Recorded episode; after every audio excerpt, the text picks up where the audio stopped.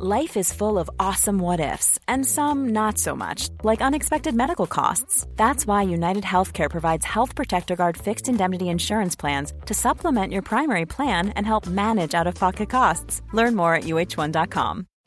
Life is full of what ifs, some awesome, like what if AI could fold your laundry? And some, well, less awesome, like what if you have unexpected medical costs? United Healthcare can help get you covered with Health Protector Guard fixed indemnity insurance plans. They supplement your primary plan to help you manage out of pocket costs. No deductibles, no enrollment periods, and especially no more what ifs. Visit uh1.com to find the Health Protector Guard plan for you.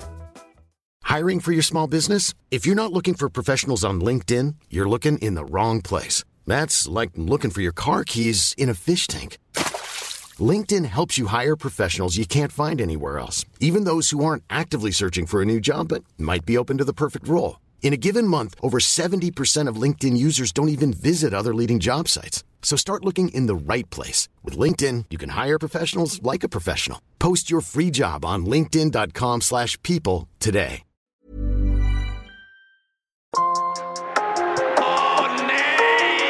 Skärpta straff för olaglig maskering. Läget är tufft. Det var en seger för Malmö FF, men en förlust för svensk fotboll. Sveriges damlandslag i fotboll är nu långt från nu krävs ett smärre mirakel. Det står fyra man ska konfrontera mig med frågor. Fy fan vad dåligt.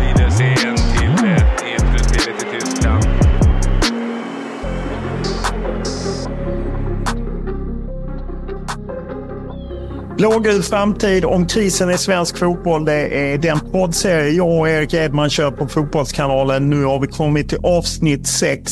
Anläggningar, infrastruktur och vi eh, kommer att snacka med Andrea Möllerberg som är ny generalsekreterare i svensk fotboll och eh, har varit framgångsrik i att skapa en anläggning. Men visst är det här en oroande fråga, Erik, eh, och något som också är lite kanske svårt för fotbollen att påverka.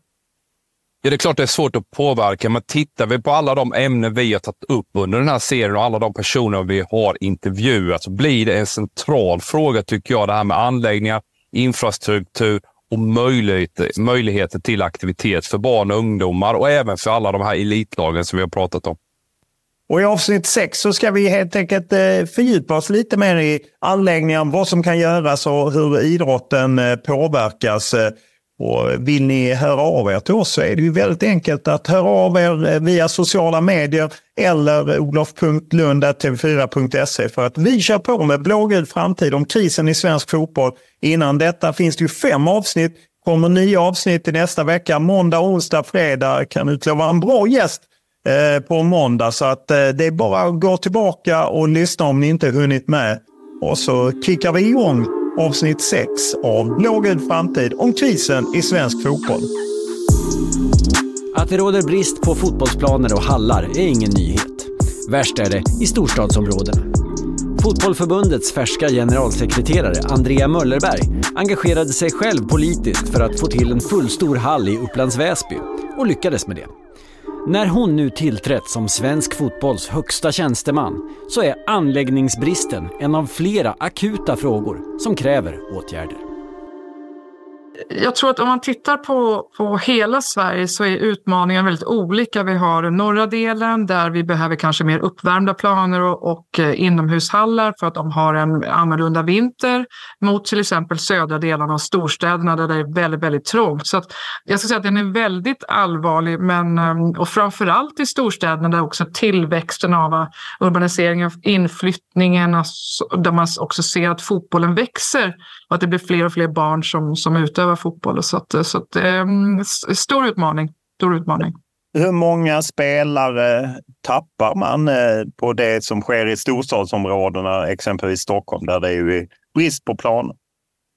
Så det är väldigt svårt att säga, men det man ser i utmaningen är ju att det, går, det blir liksom ett maxantal som kan befinna sig på en 11-spelsplan eller en 7-spelsplan. Att det går inte att ha hur stora grupper som helst. Och jag tänker att eh, de barnen och ungarna som brinner för fotboll, de kanske klarar av det här. Men sen har vi också en, en grupp som kanske har eh, större utmaningar med, med stora grupper grupper och, och alltså behöver mindre liksom, barngrupper för att trivas, må bra och utvecklas. Så att det är klart att vi tappar, det, det tror jag att vi gör. Men än så länge så tycker jag ändå att trenden ser ut som att vi får in fler och vi behåller fler i Stockholm. Men någonstans snart är ju liksom maxnivån nådd och det som det också skapar är väl att det blir en ogynnsam förflyttning. Är det fullt inne i stan så tvingas barn att börja röra sig utanför och då blir de här resorna långa och det är ju också inte optimalt för barn som egentligen ska mer eller mindre gå och cykla till, till träningarna. Liksom. Så att, eh, mm, knepigt. Var eh, ligger ansvaret? Är det hos fotbollsförbundet eller är det distrikt eller är det klubbar eller är det kommuner? Hur, du kan kanske reda ut för oss. Vem är det som har ansvaret för de här frågorna? Eh, solklart så är det kommunen som är ytterst ansvarig för att eh, ha till, till, tillräckligt många anläggningar för alla idrotter. Det skulle jag säga. Det är varje enskild kommun ansvarig för sin sin, eh, sin budget när det gäller de här frågorna. Sen är det klart att vi som fotbollförbundet och i distrikten och klubbarna, vi måste jobba med någon form av lobbyverksamhet och påverka och visa hur, hur viktig fotbollen är i, i samhället. Men, men, men det är helt klart, tycker jag, kommunen och kommunens politiker som måste förstå att det här är en investering, inte en kostnad. Och det tycker jag är eh, märkligt att det inte liksom är tydligare. Jag förstår att man har andra kostnader, men här är liksom en investering, besparing, att vi blir piggare, friskare, vi mår bättre, vilket i slutändan blir en pluspost mot vad vi har idag, kanske i, i socialdelen eller äldreomsorgen. Liksom. Så att, eh.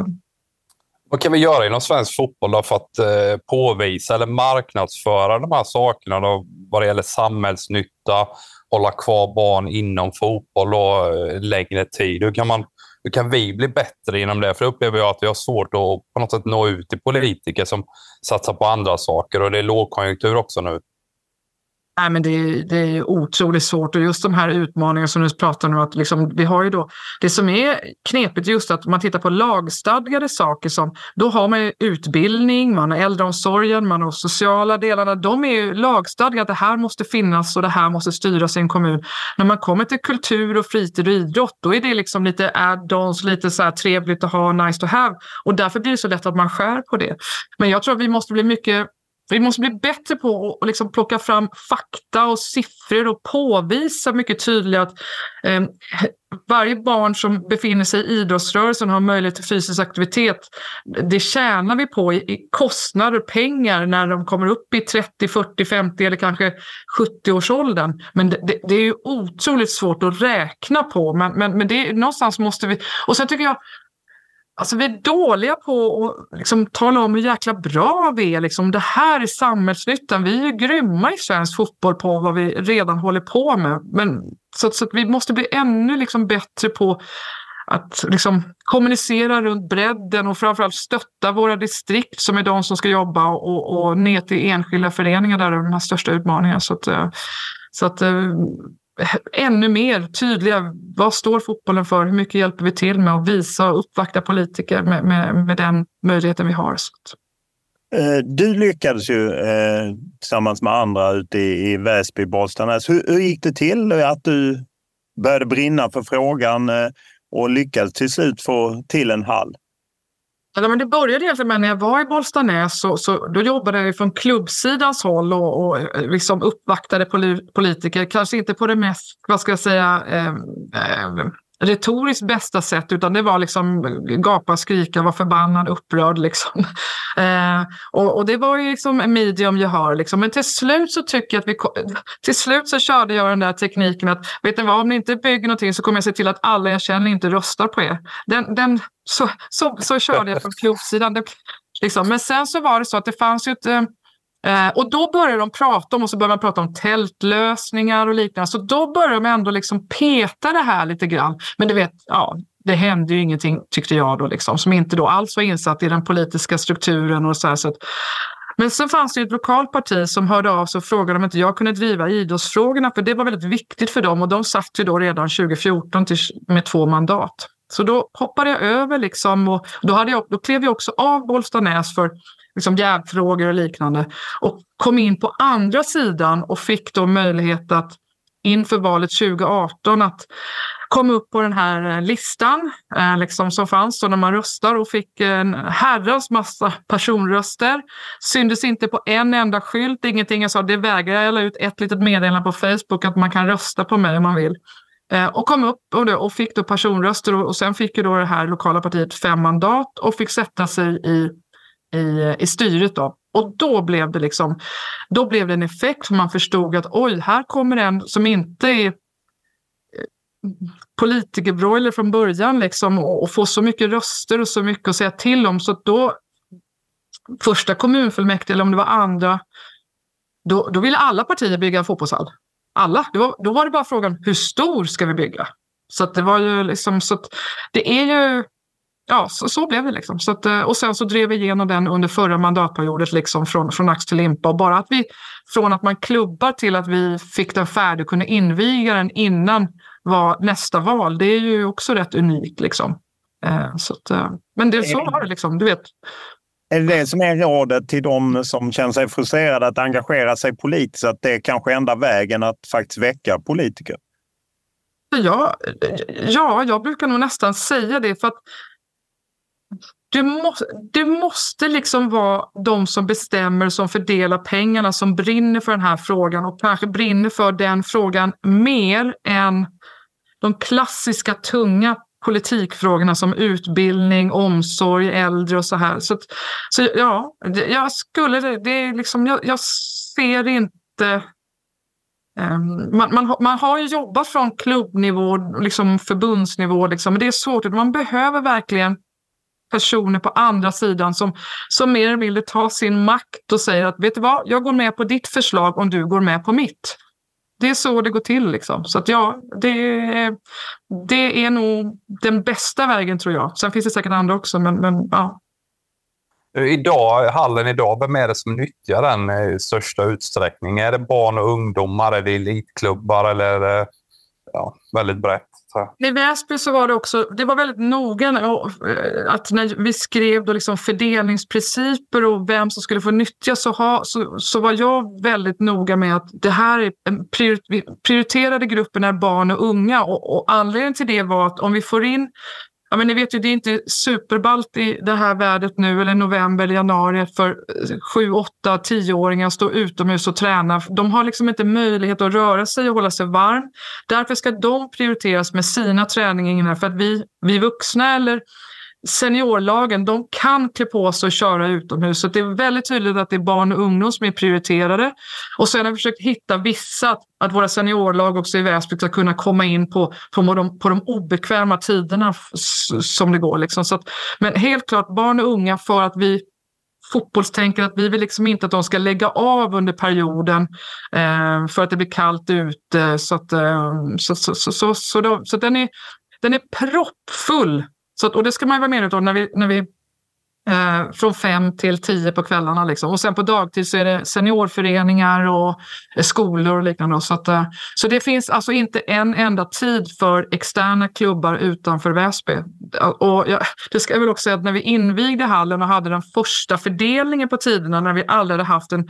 Alltså jag fick så mycket skäll för att man inte fick tillräckligt med tider och det var ju, det var ju skandal. Och då hade man liksom glömt att förra året så var vi utomhus allihopa. Och, det, och det var, man var oerhört upprörd på, för, på fördelningen man inte fick. Alla trodde att de skulle träna sju, åtta pass inomhus liksom, per lag där. Liksom. Så att, och max man kanske kan få ett pass. Så att, eh, så att, eh. man ser ju tydligt alltså, när, när vi har gjort lite research inför att Island är ju föregångare såklart. De har kunnat förlänga sin säsong. Så det är glädjande att höra just att, att eh, barn och unga kan vara inne under bra förutsättningar.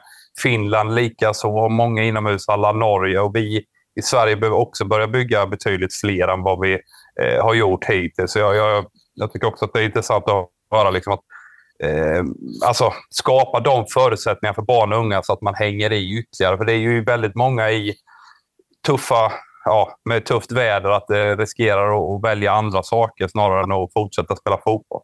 Ja, precis så. Eh, om man ser till, vi pekar ju på kommunpolitiker lätt. Finns det någonting liksom staten kan göra?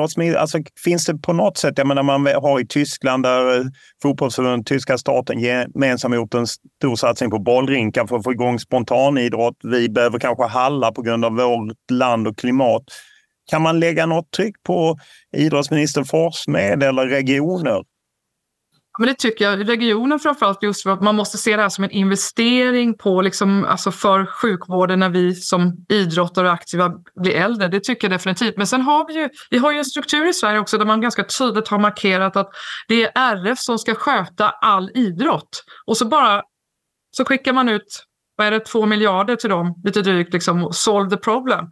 Eh, och, och, det här är lite knepigt, för nu inser man ju då liksom att det har inte riktigt vi har inte riktigt löst just anläggningsfrågan. Man håller, RF håller igång idrotten, men, men den andra delen då. Så, att, så att jag tror att det, man måste liksom tänka om här, att kanske staten måste också kliva in och ta ett större, mycket, mycket större ansvar för att det här ska bli gjort liksom, och trycka ut på ett helt annat sätt för att det är en investering för Sverige. Eh, och, och liksom stötta kommunerna i, i det här. Då. så anläggningsfond pratar man eller någonting sådär som de har. Liksom, så att, eh, så, men jag tror att det hela liksom, tänket och resonemanget, att man, det går inte bara kasta ut ansvaret på RF utan man måste också ta hem lite och faktiskt förstå att det här är liksom en investering som vi som, som regering och som, som riksdag måste ta ansvar för på ett annat sätt för det har inte riktigt fungerat som, som vi har velat. Då. Så, så, Om man ser till att eh, RF ungefär i 15 år fått cirka 2 miljarder om året om vi bortser från eh, när man fick extra pengar under pandemin. Eh, hur hade du velat se att, att staten agerade kring det här? Alltså det, det, jag menar, Jakob Forssmed är ju vår idrottsminister tillsammans med andra roller som man har. Och det är väl också kopplat till att det är därför vi inte har en renodlad idrottsminister. Men det kanske finns en renodlad kulturminister just för att vi har RF som, som, som mellanhand där och den lösningen. Liksom. Så att, ja, men jag, jag tror att man måste hitta en, en, en, en tydligare fördelning kanske där, där just, just som du säger anläggningsfrågan, den investeringen, där måste kanske då staten tar ett större ansvar. För det är ju ändå um, i längden en, liksom just det här att om vi får fler barn att röra på sig med fysisk aktivitet, då kommer vi ha mindre bekymmer när vi blir äldre. Det är uppenbart och vi ser ju också att föreningsstrukturen, gemenskapen med, med brott och det här sociala liksom. Så att, så att jag, ja, det, det, är liksom en svår fråga eftersom just nu så är det så mycket ner till en enskild kommun att lösa liksom. Men uppenbarligen så fungerar det ju inte riktigt för att man man är lastad liksom på olika sätt och vi har kanske eh, idrotten är liksom inte, har inte varit på liksom prio i agendan där ute. Så att, ja, men något, just runt anläggningar, för det är stora investeringar som krävs. Där tror jag att staten måste faktiskt kliva in lite tydligare eller, eller markera mot RF då på något sätt. Liksom. Så att.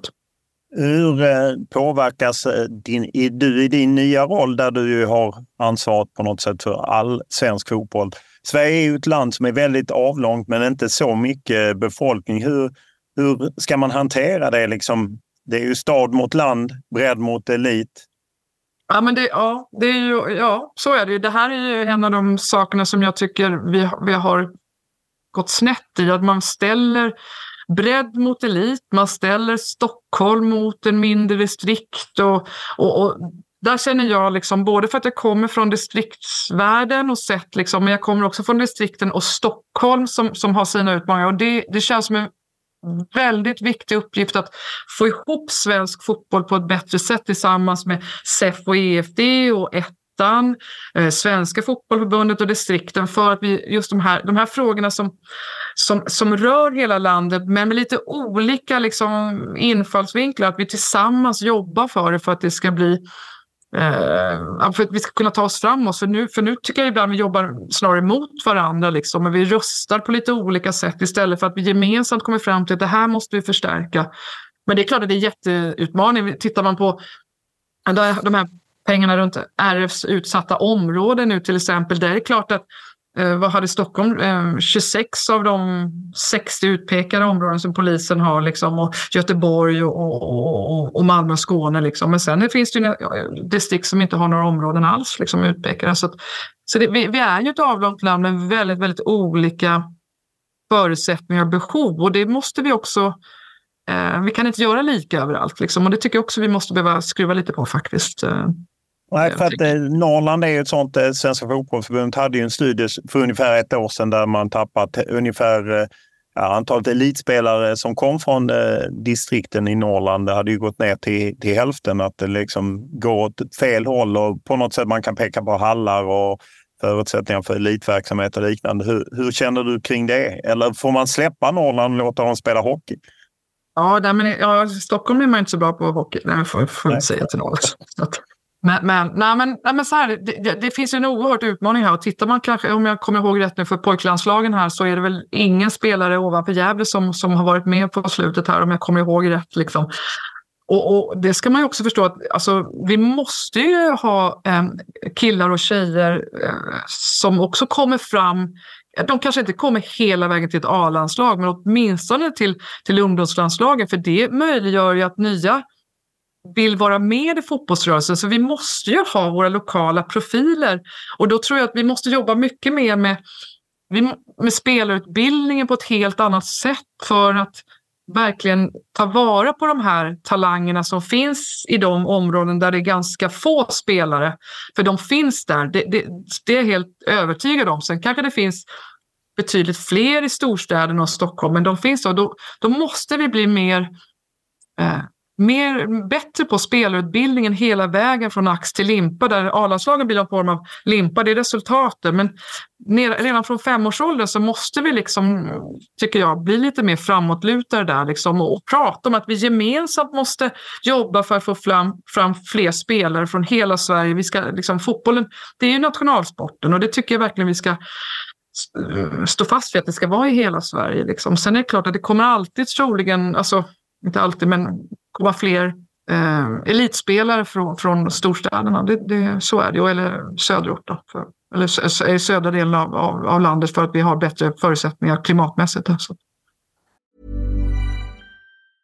Cool fact a crocodile can't stick out its tongue. Also, you can get health insurance for a month or just under a year in some states. United Healthcare short term insurance plans, underwritten by Golden Rule Insurance Company, offer flexible, budget friendly coverage for you. Learn more at uh1.com. Quality sleep is essential. That's why the Sleep Number Smart Bed is designed for your ever evolving sleep needs. Need a bed that's firmer or softer on either side? Helps you sleep at a comfortable temperature? Sleep Number Smart Beds let you individualize your comfort so you sleep better together. JD Power ranks Sleep Number number 1 in customer satisfaction with mattresses purchased in-store. And now, save 50% on the Sleep Number limited edition Smart Bed for a limited time. For JD Power 2023 award information, visit jdpower.com/awards. Only at a Sleep Number store or sleepnumber.com. A lot can happen in 3 years. Like a chatbot may be your new best friend. But what won't change? Needing health insurance. United Healthcare tri-term medical plans underwritten by Golden Rule Insurance Company offer flexible, budget-friendly coverage that lasts nearly 3 years in some states. Learn more at uh1.com. när man pratar med, med folk som, som har ursprung i de länderna som sitter med ja, liknande utmaningar. Jag pratade med Marcelo Fernandez som jobbar på Simon som har chilenskt ursprung. Det är ett långt och avlångt land. Eh, jag pratade med Luke Cassidy som har jobbat inom australiensiska fotbollsförbundet. Också ett otroligt land, glesbefolkat.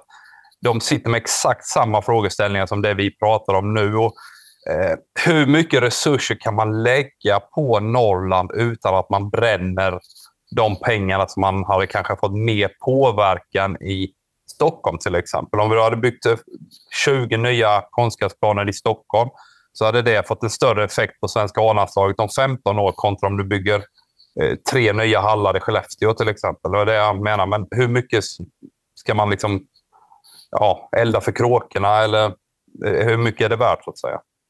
Men det, jag tror att det är värt, alltså vi, någonstans så tycker jag fotbollens storhet och våra framgångar hittills, det är ju att vi har varit duktiga på att fotbollen ska leva i hela Sverige, i varenda distrikt.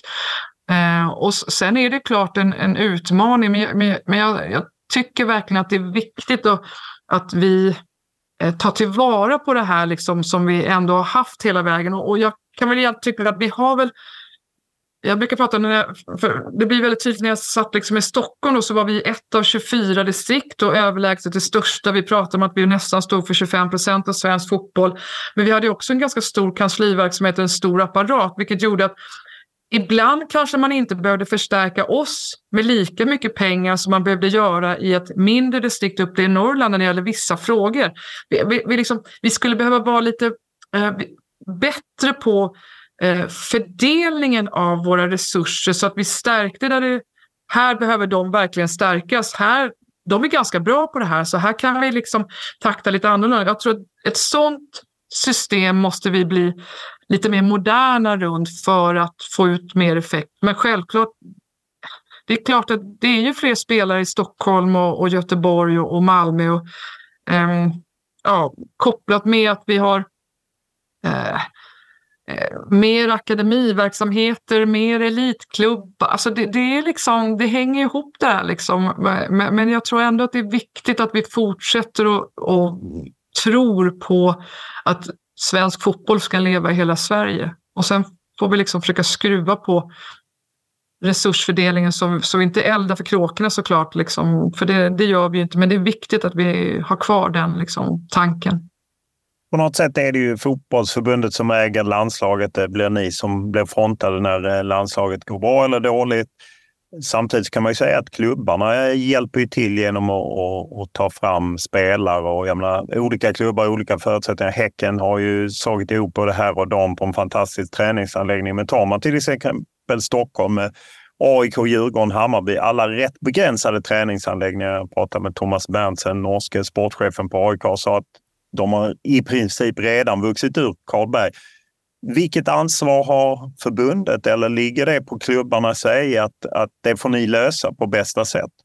Ja, alltså det är, det är ju alltså det är klart att jag menar, förbundets roll, det blir så här, vi ska ju samla, vi ska ju ta ut den spelartruppen som vi tror för närvarande kommer vinna den matchen som vi har samling till. Det, det är ju, kan man ju tycka låter lite simpelt, men det är ju egentligen det. Och så är det fem, sex samlingar per år eh, och, och that's it. Men vi kan ju, det är väldigt svårt liksom när, när, när det är då när spelarna kommer till oss då, då har vi svårt att påverka dem. Så det vi kan göra det är ju på något sätt att försöka från, från, från liksom starten eh, vi har, jag upplever att våra tränarutbildningar är oerhört bra. Man har ju precis gjort en, ett lyft runt det här. Så de, de, de, de är väldigt, väldigt bra. Sen är det så att, men hur ser mottagarkraften ut där ute för att kunna ha så bra och avancerade utbildningar? Hur kan, hur kan hur kan vi få fler tränare som orkar gå igenom de olika Uefa-licensutbildningarna? Liksom, för, för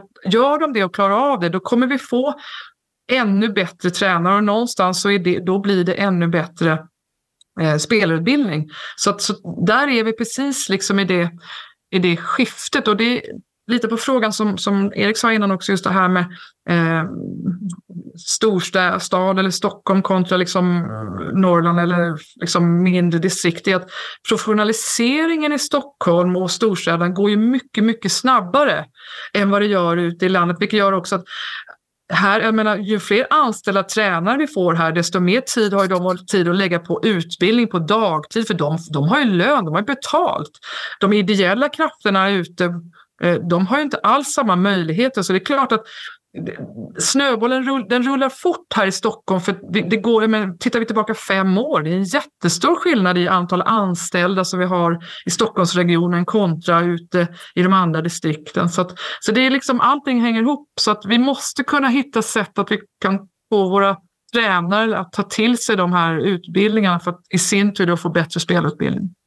Men just om det gäller anläggningar för klubbar, att eh, det är få som har som möjligheten som Häcken har haft där de ute på Hisingen har byggt den här anläggningen där de har både sitt herr och damlag. Man har ju svårt att se att AIK skulle kunna ta in sitt damlag på Karlberg och liknande.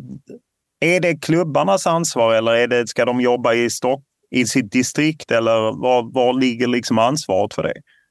Men tittar man på, på elitverksamheter då så, så, så är det ju väldigt mycket uppe upp till klubbarna och driva frågan. Om vi tar då AIK som, som haft en, de hade ju, och Solna kommun då, så gjorde man, det blev faktiskt ett politiskt skifte nu i Solna där man gick från många år av blått till rött just kopplat till fotbollen och, och man drev på där från AIK liksom att, att eh, det här vallöftet vi vill, vi vill, vi vill, vill vi ha liksom en ny anläggning. Så det är klart att våra stora klubbar och våra elitklubbar de har ju jättestor möjlighet att påverka politiker med, med röster. Men jag menar, vår supporterkultur är ju, och våra medlemmar och supporter, de är ju oerhört starka och många. Tänk om vi kan få dem att rikta oss liksom mot hur vi vill påverka politiker och bygga fler anläggningar, eh, anläggningar större, då kommer fler spelare få bättre möjligheter, alltså bättre faciliteter och då kommer det här leda till förhoppningsvis bättre spelare. Liksom. Så att, så att det, ja, de har jättestort liksom, ansvar. Att, det ska vi inte säga, men alltså väldigt stor möjlighet att påverka som de kanske inte alltid ens förstår liksom, att de skulle kunna rikta alla sina supportrar och medlemmar mot ett visst politiskt parti som ger löften tillbaka. Liksom. Så att, så att ähm, ja, så tänker ja. jag. Ett arbete som pågått inom förbundet innan du har kommit in är ju det här med att eventuellt få till ett nationellt träningscenter som man ju ser att eh, inte bara de stora länderna som Frankrike, Tyskland, England har utan även länder som vi kan jämföra oss med har, har det och prata om värdet av det. Hur, hur ser du på att fotbollsförbundet får till ett nationellt träningscenter?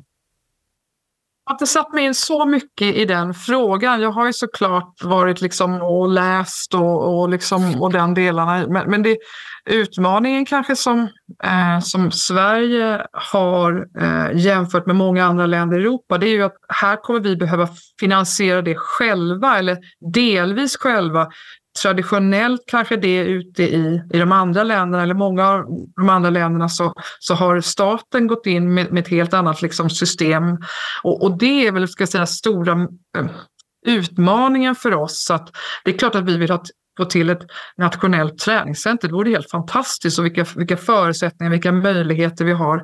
Men, men det är också just kopplat till hur, hur kan vi hur, hur tål vi en sån kostnadsmassa Eh, ja, för, för det, det, det, kostar ju pengar om man ska titta då på antal planer som behövs. Och vi måste ja, men inomhushallar och vi ska kanske ha andra faciliteter och futsal och sådär. Liksom. Så, så det, det är ju den stora utmaningen för oss, tror jag, att, att alla tycker att det vore spännande att ha och vi vill ha och vi tror att det är viktigt. Det där tror jag vi alla är. Men hur klarar vi av det med tanke på den setupen som man har i Sverige och liksom med kostnad liksom, för sådana här saker.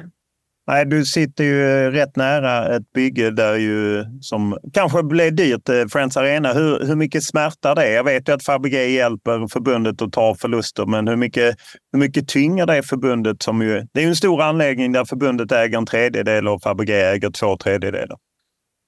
Det är klart att det, det, vi, kan ju inte, vi kan inte ha hur många anläggningar som helst som vi äger själva. Så det är klart att det här måste ju hänga ihop hela delen och jag tror att eh, nu har ju vad är det, Friends är väl inne på sitt elfte år och jag tror att med den historien vi har, vi har, vi har fått runt hur, hur runt Friends Arena och de kostnader som finns och vilken komplex sak det är så tror jag också att man är mycket mer kunnig om man ska kliva in i ett annat projekt. Så att, så att jag tror att eh, Somalia, liksom, det där måste liksom hänga ihop för att vi klarar inte av hur mycket som helst liksom, eh, i den här frågan. Men vi, åtminstone så har vi ju lärt oss och förstår mycket mer om fastighetsdelar, investeringar kontra driftkostnader och liknande. Liksom, så att, som vi får ta med oss i den här utredningen framåt. Då.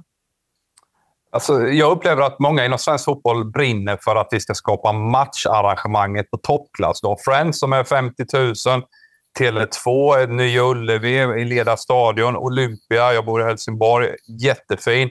Men just där vi pratar om liksom anläggningar för träning och utveckling, det är inte lika sexigt och häftigt att bygga kring. Du har ju ditt positiva exempel där med bollhandeln, men eh, hur, kan man, hur kan man göra folk medvetna om att själva produkten som vi erbjuder ska kunna bli bättre eh, genom bättre förutsättningar för träning kontra att vi lägger all krut på arenor? Ja, det är en nyckelfråga såklart. Jag, och jag tror att vi kan nästan titta på, vi, vi kan jämföra med, med, med, andra idrotter och andra sporter i Sverige också. Det är lite samma sak där, att man, eh, man, man saknar de här träningsanläggningarna där man bara kan bedriva högkvalitativ träning, utan man bygger någon stor jätteidrottshall eller en jättesimhall och där är man en gång och så kör man en tävling. Liksom. Men, och sen är det bara några få som får möjlighet att träna i den anläggningen. Sen, alltså, så att, men det är Ja, det är en svår fråga. Alltså, jag tror igen att vi måste, vi måste på måste koppla det till att Eh, vi behöver ju internationella framgångar, vi behöver elitverksamhet, vi behöver framstående fotbollsspelare som, som är ett varumärke för oss. Och det måste vi koppla till att breddfotbollen och folkhälsodelen är det som är nyckeln till att skapa fler anläggningar. Det är liksom massan som på något sätt måste bli liksom svaret på att får vi fler barn och unga att röra på sig, då kommer folkhälsan bli bättre. Så det är ju breddperspektivet som vi måste få den här förståelsen för att vi behöver mer, fler och bättre träningsanläggningar. Och då kommer det även, tror jag, bli mot elitdelen. Liksom. Så att, eh, men, men, men inte en lätt fråga på något sätt. Frågan om konstgräs är ju uppe då och då. Är det så enligt din, eh, ja, den erfarenhet du har att det också är i händerna på kommunerna där om man talar från svensk fotboll att eh, det är de som kommer bygga och vilja ha konstgräs för att kunna utnyttja det bättre än vad man kan göra om man spelar på naturgräs eller på eh, hybrid. Ja, det, alltså, jag, det är, jag kan titta bara liksom, om jag tar till min egen kommun, då, Väsby, som jag faktiskt känner till ganska bra, både liksom med driftkostnader. Där har vi Vilundavallens eh, gräs. Det är också en gammal anläggning med vad ska man säga, gammal grässort då, som gör att utnyttjande timmarna som går att nyttja där Alltså det är ju extremt få jämfört med en konstgräsanläggning. Och underhållet, vad det måste göra så fort någon nästan har varit på träning eller någon aktivitet så är det, då är det mycket mankraft som behövs, resurser. Det behövs ju på en konstgräsplan också, men det är också enklare tror jag om man tittar på när man börjar prata om robotteknik och sånt, att man ska kunna ha mer automatiserat underhåll betydligt enklare på en på en, på en konstgräsplan just mm, mot en gräsplan som är mycket, mycket känsligare. Hybridplanerna kanske är liksom någonting som, som kanske är liksom framåt, men det, sen har vi då klimatet liksom på det här. Funkar det liksom? Ja, i, men i, i södra Sverige så absolut inget konstigt, liksom. men så fort vi börjar komma upp lite så är det ju knepigt liksom, och då blir ju konstgräset ett resultat, gärna med uppvärmt under. Liksom. Så, att, så att, ja, det, Ja, konstgräs är nog the shit för, för Sverige som helhet, då, men vi måste ju ändå ha oerhört bra gräsplaner också för att kunna liksom hänga med liksom i den internationella fotbollen såklart. Ja, är det, får, är det återigen där att eliten får klara av sig? Jag menar, de som är elitklubbar och eh, åtminstone på här sidan får de ju in pengar både på sponsoravtal och tv-avtal och liknande är det de som får lösa det själva? Att om de behöver spela på eh, hybrid eller på gräs så får de stå för det snarare än kommuner? Ja, alltså jag skulle säga så om jag tänker från kommuns perspektiv och, och så, så, är det så att en kommun är ju till för sina medborgare och då tittar man vad får man liksom mest pengar för, liksom mest flugor i en smäll. Och vad är kommunen intresserad av? Den är intresserad av barn och ungdomar, det är oftast det man har som prioriterat.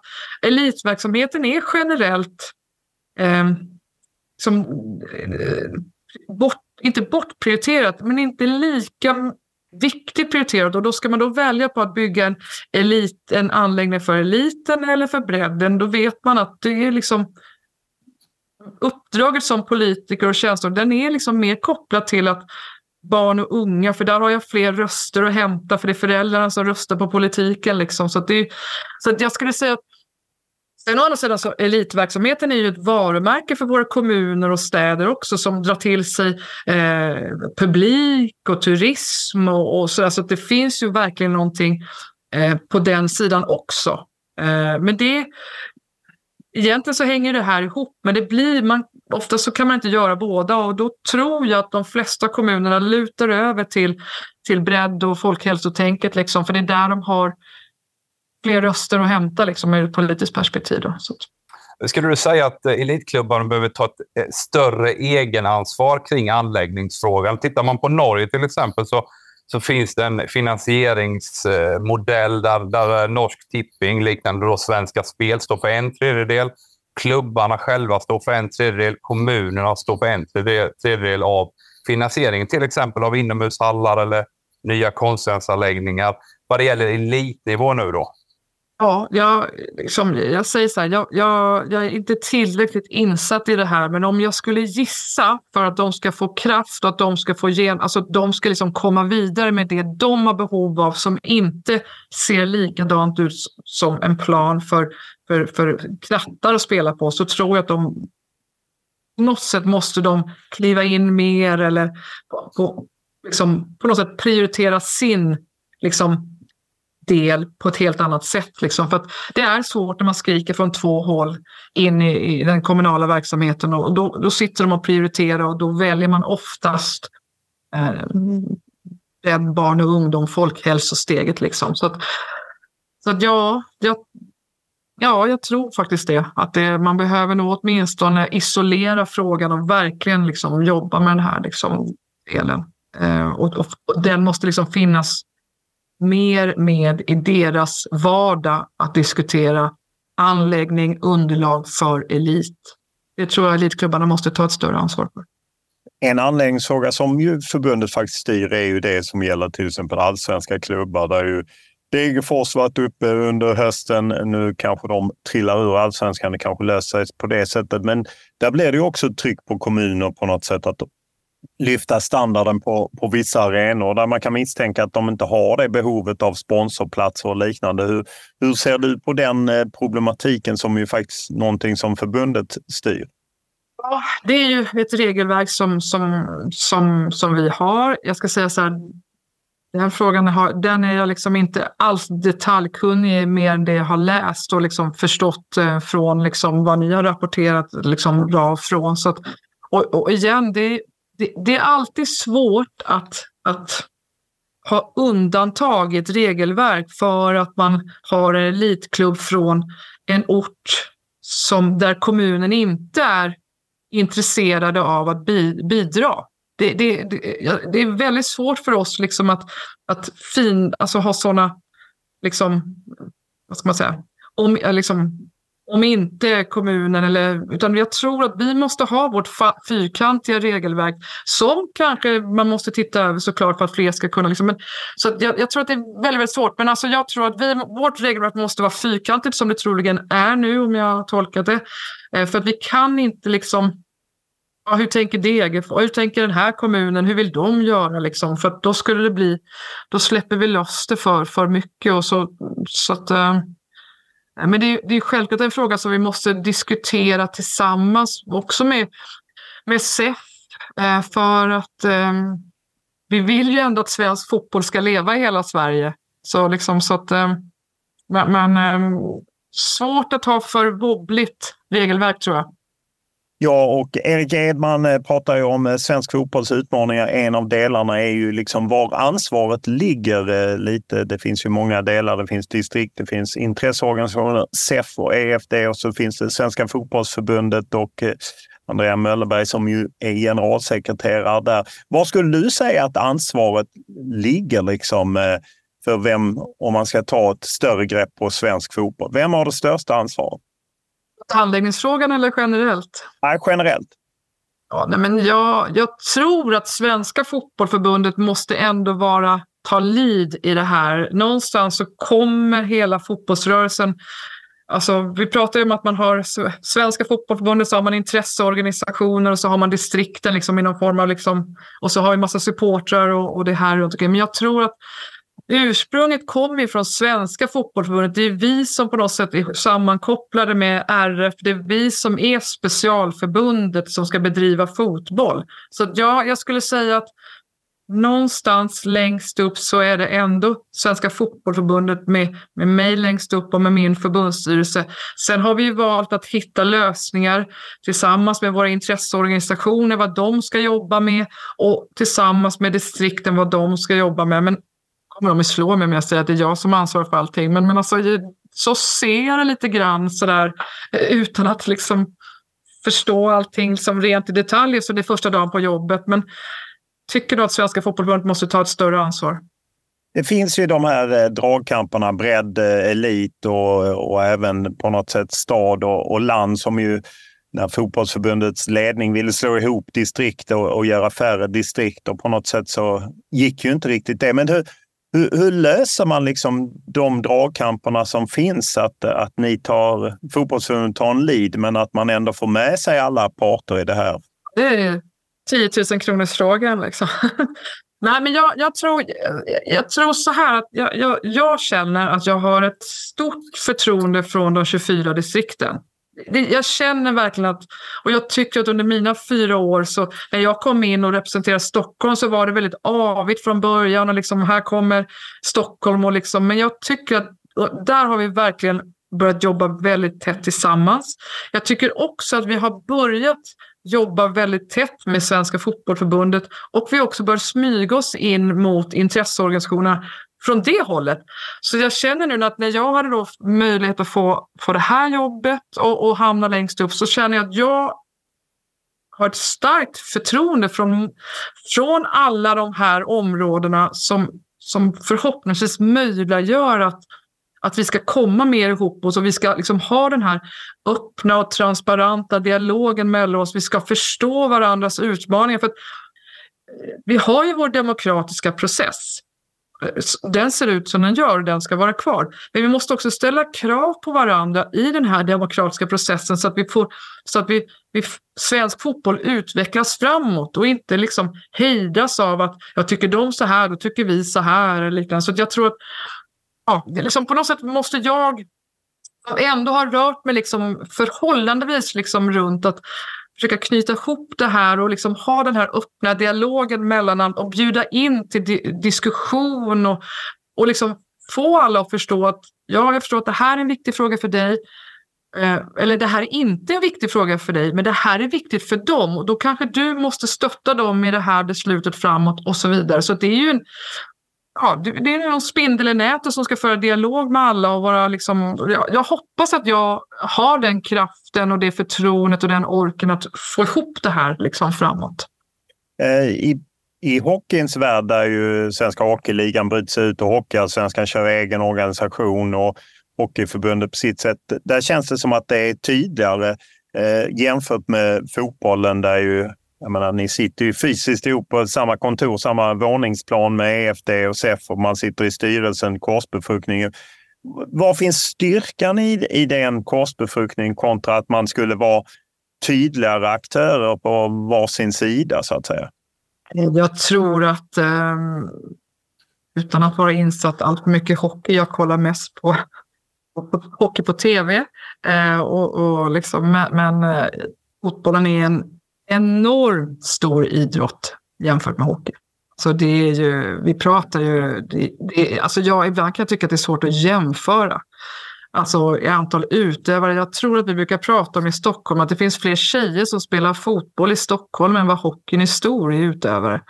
Och, och, och det är den här, alltså vi, vi behöver tillsammans liksom jobba med hela svensk fotboll. För vi behöver hjälpas åt för att fotbollen är så stor. Och då tror jag att den här korsbefruktningen är oerhört viktig för att vi ska kunna växeldra. Men vi har våra expertisområden. Eh, det jag tror egentligen som vi har gått bet på, det är väl kanske dialog, samarbete, kommunikation, sitta mer i gemensamma forum, inte bara i förbundsstyrelsen utan även i andra liksom, forum och diskutera föreningsutveckling, spelarutbildning och liknande. Så att, eh, nej, men jag tror att det finns, eh, jag tror vi behöver varandra just för att fotbollen är så enormt stor så att vi behöver samlad kraft framåt och inte ökad polarisering där vi har eliten här och vi har bredden här och så har vi landslagen här. Liksom. Det, jag tror inte på det.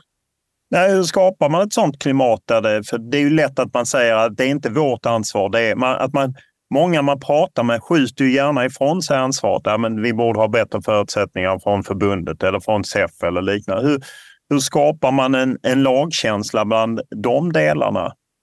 Men alltså igen, jag, jag, tror att vi har gått bet på, på dialog och kommunikation och framförallt förstå varandras både möjligheter och utmaningar. Jag kan bara referera till distrikten när jag klev in där. Det är 24 distrikt. Det, det är en enorm skillnad på där jag kommer från, Stockholm, och Medelpad eller, eller Dalsland. Eller, eller, och, men jag tycker att när vi började prata tillsammans så fick jag en enorm förståelse för, ja men hur är det att sitta eh, i Medelpad och det är, de har en anställd och så ska de jobba med jämställdhetsfrågan. Eller så ska de jobba och tillsätta domare till helgens matcher. Vad ska jag välja? Ja, det är ju ganska enkelt att jag måste, alltså medan då vi i Stockholm har haft mer mankraft och kunna jobba med fler frågor på borden och den här förståelsen mellan oss har ökat enormt och jag tror att det har vi bara gjort genom att berätta vilka utmaningar som vi har, vilka möjligheter, bjuda in till, vi kan hjälpa er med den här frågan som ni inte hinner med, så kan, vi bolla, så kan ni bolla den här. Och jag tror att vi ska göra exakt liksom, men, på samma sätt med elitorganisationerna och, och, och det här. Just att det här är våra utmaningar, det här behöver vi hjälp med. Då kan vi stötta er i den här frågan. Ja, det, ja, det låter ju otroligt enkelt, men det jag tror liksom transparens och ökad kommunikation och samarbete. Liksom. Och prata, prata, prata. Här är våra möjligheter, här är våra utmaningar. Vad har ni för några? Hur kan vi hjälpas åt? Det är ju ändå så att svensk fotboll har, eh, jag menar herrlandslaget nu två raka missade mästerskap ner i C-divisionen, sett lite ekonomiskt tryck kanske på förbundet damerna kanske missar OS för första gången. På klubblagsnivå är det också svårt att hävda sig i Europa, även om det går bra inhemskt. Så att säga. Hur, vad är din bild av, av, av svensk fotboll just nu och, och vilka utmaningar eller svårigheter ser du framåt? Först tycker jag, eh, om man tittar på Svenska fotbollförbundet och svensk fotbollsekonomi så är den ju fortfarande stark och vi, jag känner att vi har en bra, vi har liksom skapat och eh, kopplat till våra liksom, framgångar tidigare. Så vi, vi, är i balans, liksom här, vilket gör att vi kommer kunna fortsätta jobba med många viktiga frågor framåt. Sen är det ju klart att när man tittar på, på, på landslagen, liksom, eh, A-landslagen, så är ju liksom deras uppgift är ju att vinna matcher. Det är ju liksom, det, Liksom det, så är det ju liksom. Och, men, men, för att vi ska vinna matcher så måste vi också ha en, Eh, jag vet att Jens T, jag vet inte om han pratar, men han pratar väldigt mycket om en blågul tråd. Liksom som, och den här måste vi liksom mycket tydligare börja jobba med så att vi får den här tråden hela vägen från när våra knattar börjar spela fotboll. Sen kanske några av dem vid äldre ålder väljer att bli domare.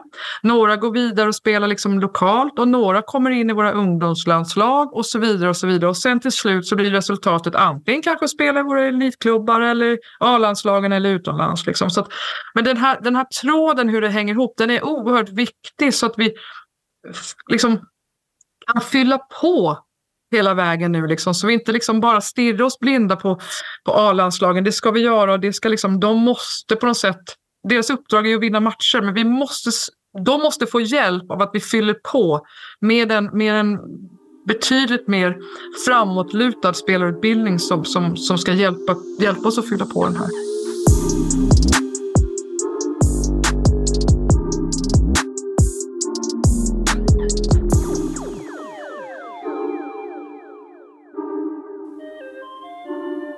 Det är ju intressant att lyssna på eh, svensk fotbolls eh, högsta tjänstekvinna och den som på något sätt axlar lite ansvar. Hon sa ju det när vi frågade henne vilket ansvar eh, att det ligger liksom hos fotbollsförbundet som måste ta eh, ledningen och att eh, det hamnar på henne. Vad, vad får du för intryck av henne när, vi, när du lyssnar på henne?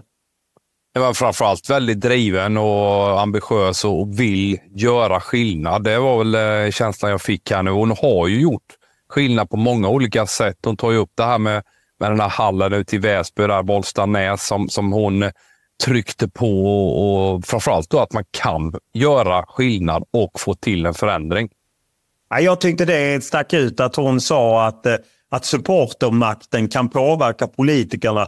För det är ju uppenbart att, eh, att svensk fotboll sitter lite i ett tryggt läge med, eh, inte tryggt, utan tryggt läge med det här att man inte själva kan finansiera anläggningar. Ofta är det ju träningsanläggningar som behövs och att det är svårt och då måste man ligga på kommuner och, och liknande. och eh, Att man supportrar kan helt enkelt markera. Det var ju det hon gjorde politiskt.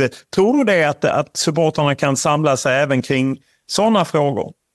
Ja, men det tror jag definitivt. Sen, sen hur enkelt det är att få supportrarna att engagera sig i frågan, det tror jag definitivt kan vara mycket, mycket svårare. För det, det är ingen sexig fråga för, för en, den gemene supporten, utan man vill se vad som, som händer på lördag klockan tre. Då ska vi spela match. Det är det som på något sätt engagerar. sig. Just att få folk att bli brinna för detta. Det tror jag är betydligt svårare när det gäller medlemmar i föreningarna.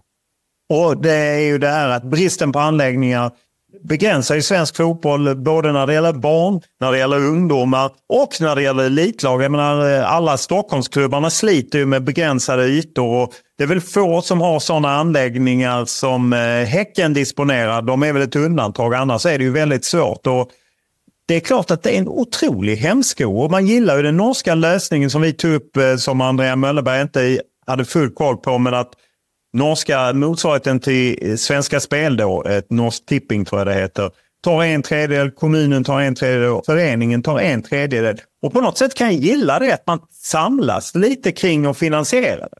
Ja, på något sätt får man eh, bidra med, med sitt strå till stacken så att säga. Så att jag tycker också det känns fullt rimligt att, att eh, alla ska bidra i den här frågan. Och, och när, vi, när vi liksom, man, man lyssnar på Andrea och man lyssnar på Hasselgren och man lyssnar på alla de här gästerna vi har haft. Så, så, och, och sen så och undrar vi oss alla varför blir vi så jädra mycket sämre på, spela, på att spela fotboll hela tiden? Oavsett om vi pratar elit, bredd, så är det ju ett svar på alla de här frågorna vi har ställt en sån här serie. Det har vi ju faktiskt här.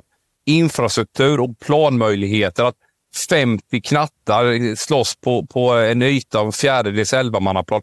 Hur i helsike ska man kunna bedriva en, en vettig fotbollsträning som är seriös? Det spelar ingen roll om vi tar in Mourinho på, på pojkar 10 om inte han har förutsättningar att bedriva eh, liksom en vettig träning med tanke på att planstorleken eller tillgången på planer i framförallt då, då storstadsområdena är katastrofal idag. Och går åt helt fel håll. Jag tyckte Andrea pratade om det som är intressant, att man måste marknadsföra och på något sätt eh, kommunicera kring allt vad fotbollen bidrar med. Allt från liksom elit till bredd till hälsa eh, långt fram i tiden. Jag menar om, om unga eh, tjejer och killar håller på med idrott längre upp i åldrarna så är det bra för fostran, det är bra för hälsan och man kanske får fram elitspelare. Och att, att det är ju den här konstiga, lite svenska strukturen där Riksidrottsförbundet ska sköta det och det kommer två miljarder om året, vilket ungefär kommit lika mycket i, i 15 år nu. Eh, bara det är ju talande hur åsidosatt idrotten är. Där måste man ju bli bättre, eller hur? Ja, definitivt. Jag tänker så här, Olof. Hur ska vi då kunna finansiera detta? Nej, det är ju svårt och därför får man ju hitta lösningar. Kanske då att man eh, hade kunnat få in Svenska Spel, att de hade kunnat ta fram lite mer pengar. Eller ATG eller någon av de statliga spelaktörerna på något sätt pumpa över pengar. För att det här är ju någonting som är, är bra för samhället på många fler sätt än bara på att man eventuellt tar fram framgångsrika elitspelare som leder herrar och damer till framgångar ute i, i, i världen. Utan det handlar om mycket mer. Och det tror jag, där tror jag att idrotten misslyckats med, och fotbollen är ju det största specialförbundet, misslyckats med att verkligen sätta tryck på politikerna eh, kring det här. Eh, det är ju bara att hoppas. Det är ju jättesvårt, men man kan ju bara hoppas och, och försöka påverka från supportrar och från alla andra.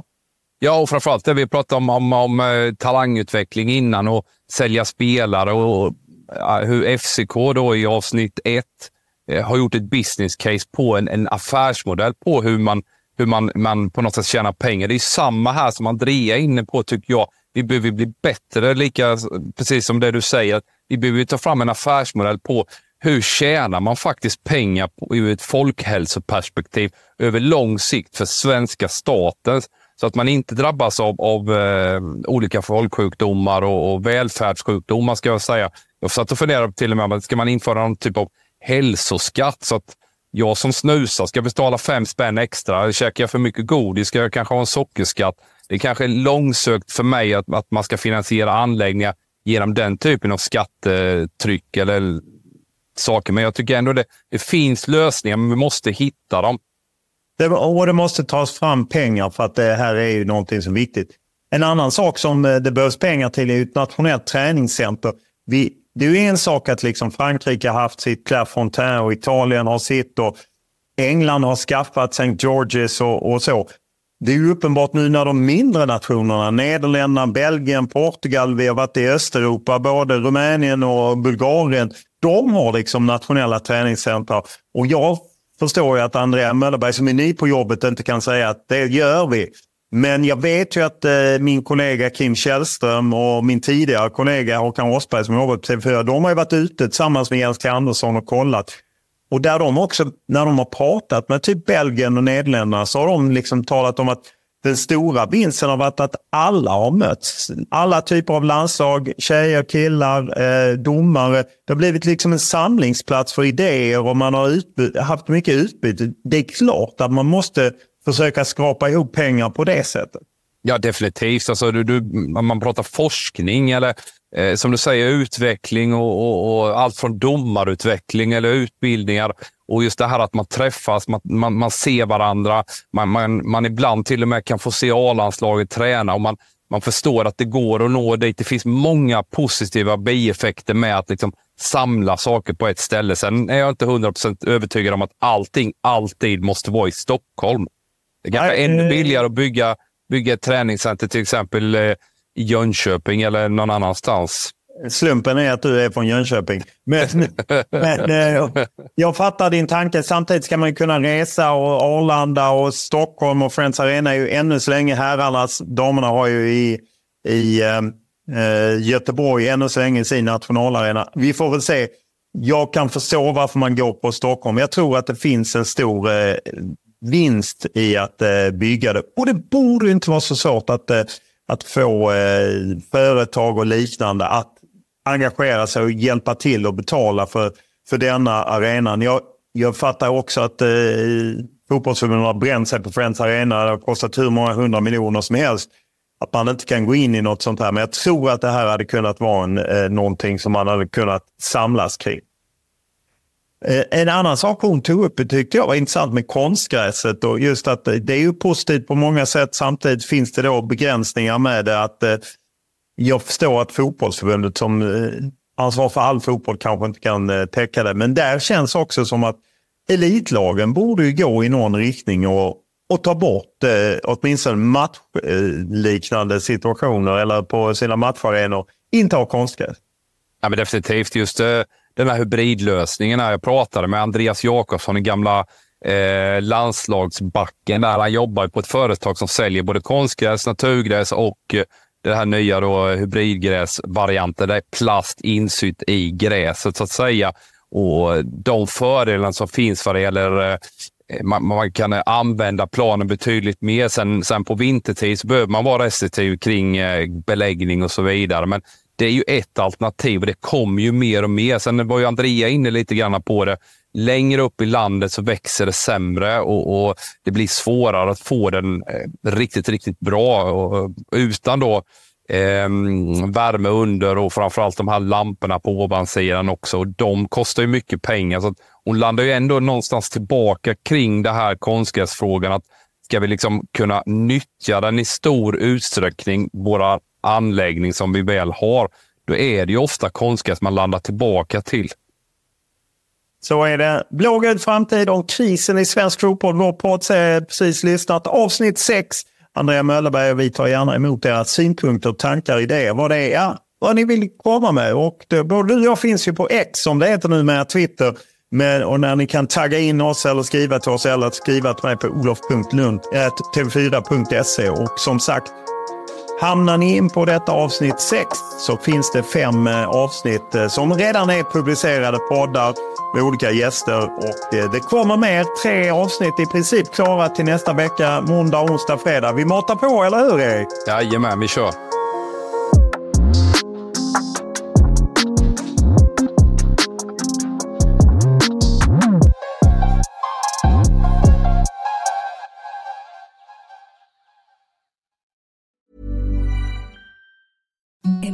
The softest sheets you've ever felt. Now imagine them getting even softer over time. That's what you'll feel with Bowl and Branch's organic cotton sheets. In a recent customer survey, 96% replied that Bowl and Branch sheets get softer with every wash. Start getting your best night's sleep in these sheets that get softer and softer for years to come. Try their sheets with a 30-night guarantee. Plus, get 15% off your first order at bowlandbranch.com. Code BUTTERY. Exclusions apply. See site for details.